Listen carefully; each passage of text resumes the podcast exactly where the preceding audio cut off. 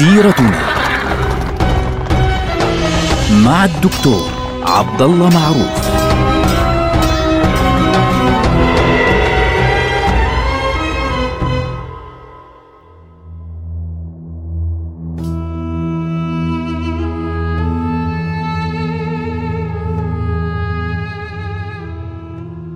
السلام عليكم ورحمة الله وبركاته.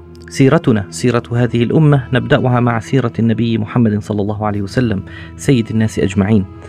آه نحن الآن في العام الثاني للهجرة، في العام الثاني للهجرة حدثت هناك عدة أحداث كان منها تحويل القبلة كان منها انطلاق السرايا والغزوات الأولى. النبي صلى الله عليه وسلم خرج في عدة غزوات في البداية ليستكشف المناطق حول المدينة وبالإضافة إلى ذلك أراد النبي صلى الله عليه وسلم أن يثبت مجموعة من التحالفات مع القبائل التي تحيط بالمدينة. هناك غزوة ذكرناها سابقا هي غزوة العشيرة. النبي صلى الله عليه وسلم سمع بأن هناك قافلة خرجت باتجاه الشام فخرج للقائها كان على رأسها أبو سفيان. لكن النبي صلى الله عليه وسلم لم يستطع أن يلحق بهذه القافلة ووجدها قد فاتته بعدة أيام.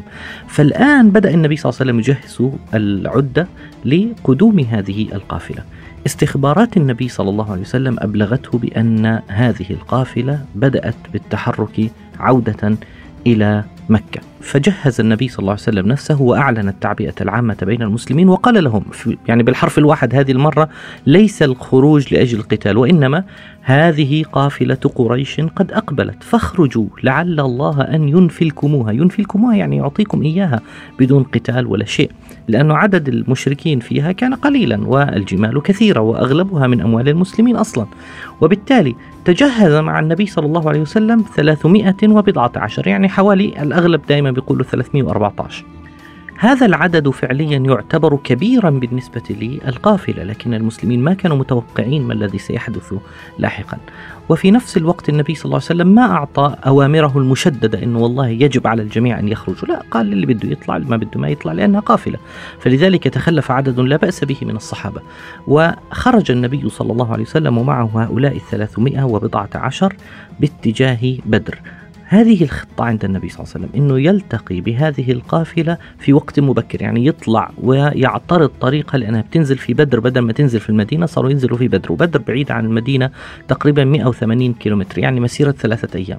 ولذلك كان النبي صلى الله عليه وسلم يتوقع أنهم راح ينزلوا في بدر كعادتهم بدلا من المدينة وكان يريد أن يخرج مبكرا حتى يلتقي بهم خاصة أن القافلة بدأت تقترب. النبي صلى الله عليه وسلم يرسل له استخبارات ويرسل مجموعة من الصحابة حتى يطلعوا على الأحوال ويتابعوا القافلة وفي المقابل أبو سفيان كان كمان عينيه صاحيات كان يبحث ويتابع.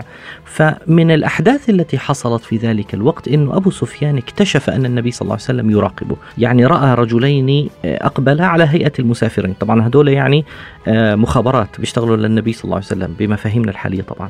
فرآهما جلسا على أساس أنهم يعني مسافرين وحملوا حالهم وراحوا فرجع إليهم. يعني راح على المكان اللي كانوا فيه وأقبل على آه، أعلاف الإبل وعلى يعني مخلفات الجمال وفتها فوجد فيها نوى التمر. فقال هذه والله علائف يثرب يعني عرف إنه هذول الناس من المدينة. فالمبدأ مباشرة حول طريقه باتجاه الساحل راح باتجاه ينبع وأرسل رسائل عاجلة إلى مكة يستصرخهم باتجاه هذه القافلة. أما النبي صلى الله عليه وسلم فقد يعني كان ينتظر فعليا مقتربا من بدر ووصل تقريبا قريبا إلى بدر ينتظر هذه القافلة. النبي صلى الله عليه وسلم كان يتجهز باتجاه بدر وأبو سفيان يبتعد، طبعا الأخبار ما بتوصل مباشرة إلى النبي صلى الله عليه وسلم إنه والله أبو سفيان ابتعد كذا كذا، يعني القضية فيها صعوبة بسبب بعد هذه الأماكن، أما قريش فقد وصلها الخبر بأن النبي صلى الله عليه وسلم يهاجم هذه أو على وشك أن يهاجم هذه القافلة طبعا عاتكة عمة النبي صلى الله عليه وسلم رأت رؤيا في ذلك الوقت قبل ثلاثة أيام من قدوم الرسول الذي أرسله آه، أبو سفيان إلى قريش يستصرخها إيش رأت؟ رأت رجلا أقبل على بعير له ونادى في أعلى مكة وقال اخرجوا أو ألا فاخرجوا يا لغدر. يا لغدر يعني يا أهل الغدر. إلى مصارعكم في ثلاث يعني بعد ثلاث أيام. إلى مصارعكم يعني حيث تموتون. ثم بعد ذلك تمثلت به يعني مرة أخرى ظهر الجمل على هذا الرجل فوق ظهر الكعبة وهو ينادي ألا اخرجوا يا لغدر إلى مصارعكم في ثلاث. ثم بعد ذلك إذا به يقف على جبل أبي قبيس وينادي نفس الكلام. ألا اخرجوا يا لغدر إلى مصارعكم في ثلاث ويحمل حجرا صغيرا ثم أرسله. أرسله يعني تركه هيك فأقبل. صار الحجر يعني يتدحرج حول الج... على الجبل حتى انكسر فتفتت وثار في مكة ودخلت فلقة من تلك الصخرة الصغيرة في كل بيت من بيوت مكة. الصبح أخبرت العباس بهذا الخبر عم النبي صلى الله عليه وسلم فقال لها هذا خبر خطير وهذه رؤيا خطيرة فلا تخبري أحدا. الغريب أنه هو نفسه طبعا رضي الله عن العباس يعني أسلم بعد ذلك لكن هو نفسه يعني كان أهمه الأمر ف وكان هذا من تقدير الله عز وجل أنهم يسمعوا الخبر. فذهب وأخبر صاحبه عتبة ابن أبي ربيعة كان صديقه قال له على فكرة يعني رأت كذا وكذا لا تخبر أحدا. فراح عتبة وأخبر واحد ثاني لا تخبر أحدا لا تخبر أحدا كل واحد صار يخبر الثاني ففشى الخبر بمكة.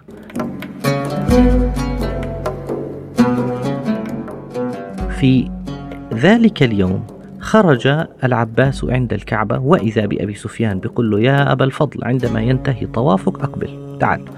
فقالوا نعم. فلما أتى إليه جلس. قال إيش مالكم؟ شو في فقال له أبو جهل بين الناس يا أبا الفضل متى خرجت فيكم هذه النبية قال له أي نبية قال له عاتكة رؤيا عاتكة. فالعباس قال له وما رأت عاتكة؟ شو رأت؟ يعني عامل حاله مش عارف. فقال له أبو جهل يعني طنش الرد. قال له أبو جهل تعلم يا بني هاشم أما ترضون أن يتنبأ رجالكم حتى تنبأت نساؤكم؟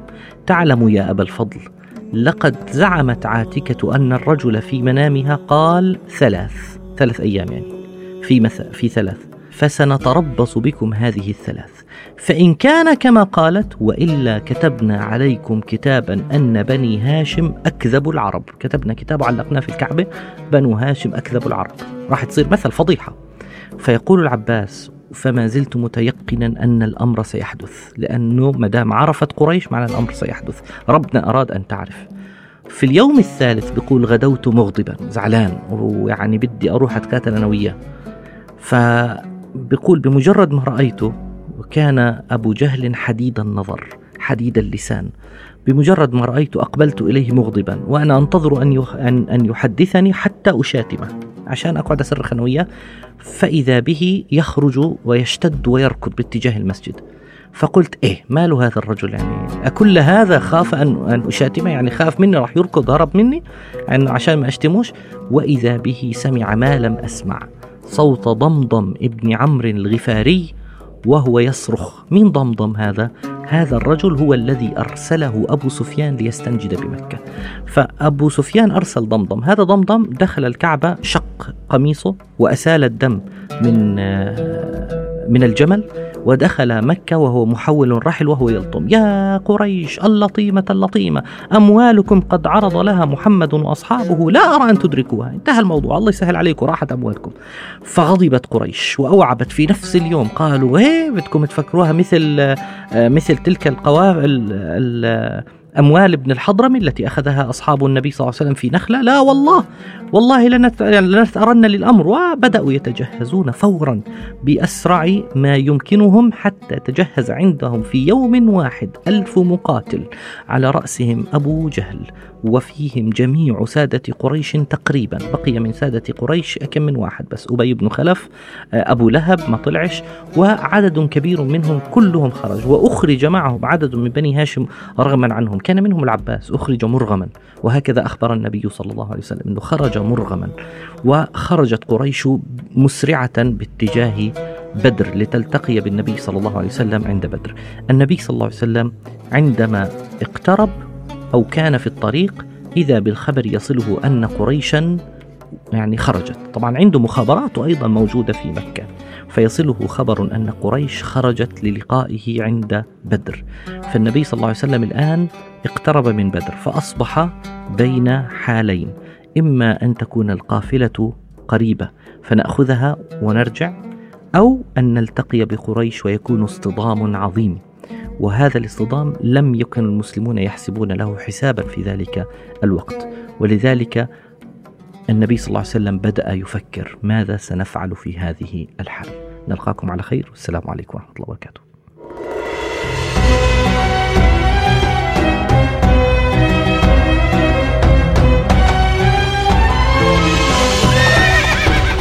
سيرتنا